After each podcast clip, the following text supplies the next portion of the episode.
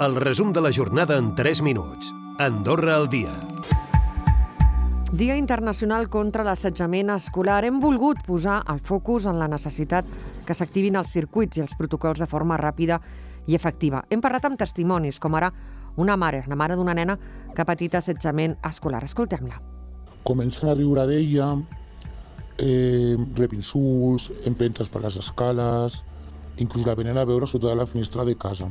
Fico en coneixement del centre perquè cada vegada anava més, no activen el, el protocol antibullying, la nena comença amb absentisme escolar, que si ara es troba malament, trobo moltes converses, moltes amenaces, tot això m'ho guardo i em serveix també de cara a denunciar perquè denuncio més d'una vegada.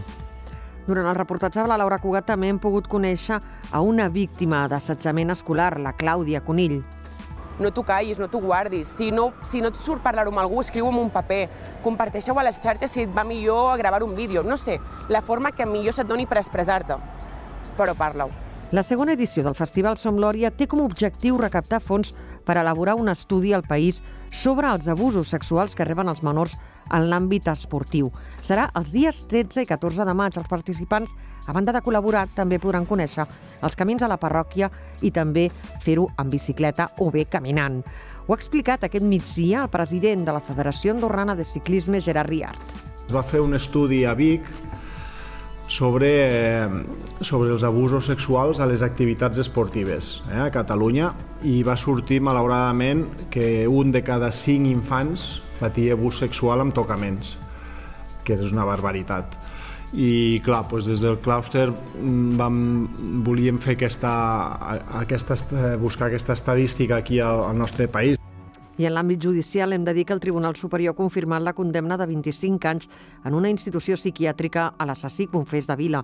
El motiu és la greu malaltia mental que pateix. Ara resta per saber en quin centre o en quin país també doncs, complirà aquesta condemna. I el bus comunal d'Andorra a la Vella amplia parades i modifica les freqüències. Des de dimecres arribarà al Col·legi Sant Armengol i també pujarà fins a la urbanització de la Comella Park, més enllà del British College. Avui hem parlat precisament amb el CEO d'Ambús, l'empresa concessionària de la línia, amb el Dani Vinceiro. Explica que creuen que la manca de conductors es cronificarà en un futur. Òbviament és més senzill ara que durant la temporada d'hivern, perquè la demanda no té res a veure amb aquest país, però, però segueix existint aquesta necessitat de més conductors i seguirà existint mirant cap a la temporada que ve. Sí que tenim l'avantatge que potser els sous en aquest país són una mica més elevats dels que puguin ser a França o a Espanya, que és un fet, són bastant més elevats, però amb tot i amb això, problemes com el de l'habitatge també ens ho compliquen. Recupera el resum de la jornada cada dia a AndorraDifusió.d i a les plataformes de podcast.